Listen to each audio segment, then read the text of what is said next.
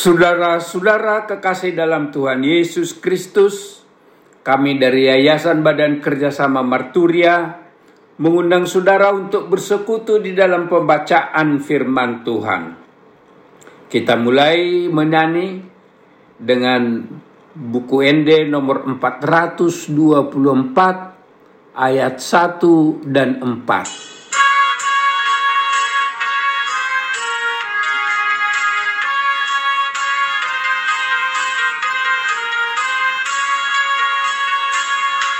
Suarami tondini tuhatai Jod-jod di laosi ditulak hoi Saitan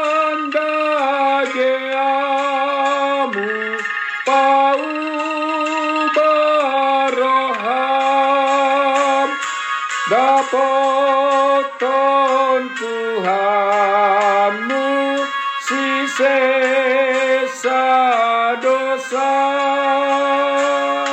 Tarsor homar dosa menurut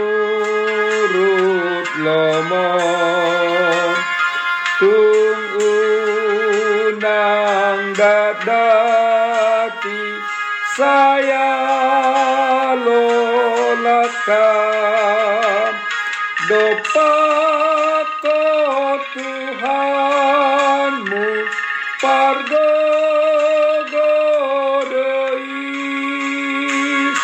Manesa pamalum sude dosami Suara roh Tuhan lembut firmannya.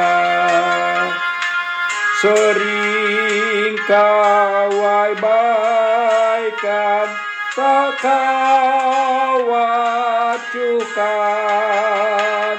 Kenalah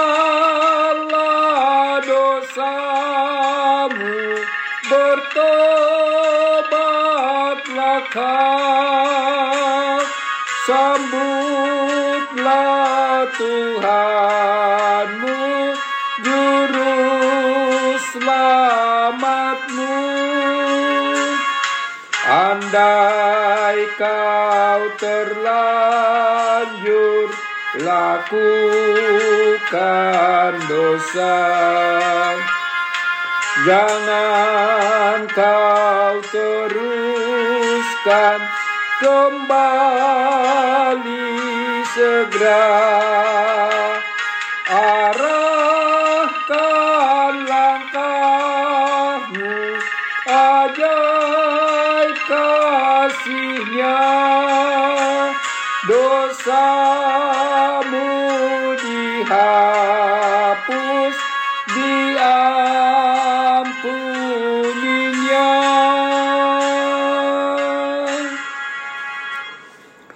Saudara-saudara kekasih dalam Tuhan Yesus Kristus, firman Tuhan yang akan kita baca dan renungkan pada pagi hari ini tertulis di Matius 5 ayat 29. Demikian firman Tuhan.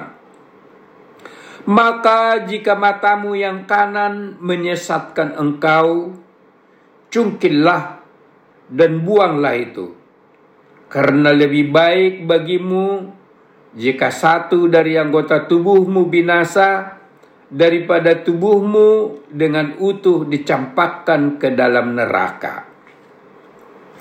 Nats ini adalah bagian dari khotbah Tuhan Yesus di bukit. Yesus mengatakan bahwa ia datang bukan untuk meniadakan hukum Taurat, akan tetapi untuk menggenapinya. Hukum Taurat itu harus dilaksanakan secara utuh. Bukan hanya tidak boleh membunuh, marah kepada saudaranya pun tidak boleh. Bukan hanya tidak boleh berzina, menginginkan seseorang pun tidak boleh. Seluruh bagian tubuh kita ini mata, mulut, lidah, kaki, tangan harus seutuhnya melaksanakan perintah Tuhan. Kita tidak boleh bertoleransi sedikit pun, bahkan harus bersikap tegas terhadap anggota tubuh yang menyesatkan kita.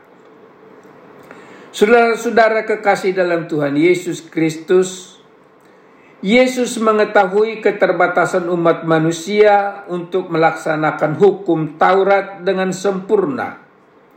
Karena semua kita sudah berdosa. Semua orang berdosa demi hukum Tuhan Taurat harus menjalani hukuman maut. Tidak ada orang yang dapat melepaskan diri dari hukuman maut itu. Hanya Yesus sendiri yang mampu melepaskan umat manusia berdosa itu, yaitu dengan rela mengorbankan dirinya mati, disalibkan, menggantikan manusia yang berdosa. Kematian Yesus di kayu salib adalah penggenapan hukum Taurat menyelamatkan seluruh umat manusia berdosa itu. Saudara-saudara kekasih dalam Tuhan Yesus Kristus, Hukum Taurat telah digenapi dengan sempurna bagi kita orang berdosa melalui kasih karunia Kristus Yesus mati di kayu salib. Sebab itu bagi kita berlaku hukum yang baru yaitu hukum kasih.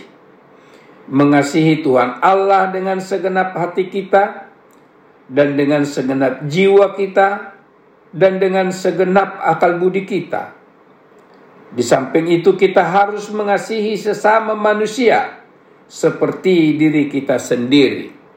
Tertulis di Matius 22 ayat 37 sampai 39. Kita mengasihi semua orang, termasuk orang yang membenci kita, karena Tuhan Allah telah pertama-tama mengasihi kita. Amin. Mari kita berdoa. Tuhan, ajar dan mampukan kami melaksanakan perintahmu seutuhnya. Mengasihi engkau dengan segenap hidup kami dan mengasihi sesama manusia. Amin. Tuhan Yesus memberkati kita semuanya.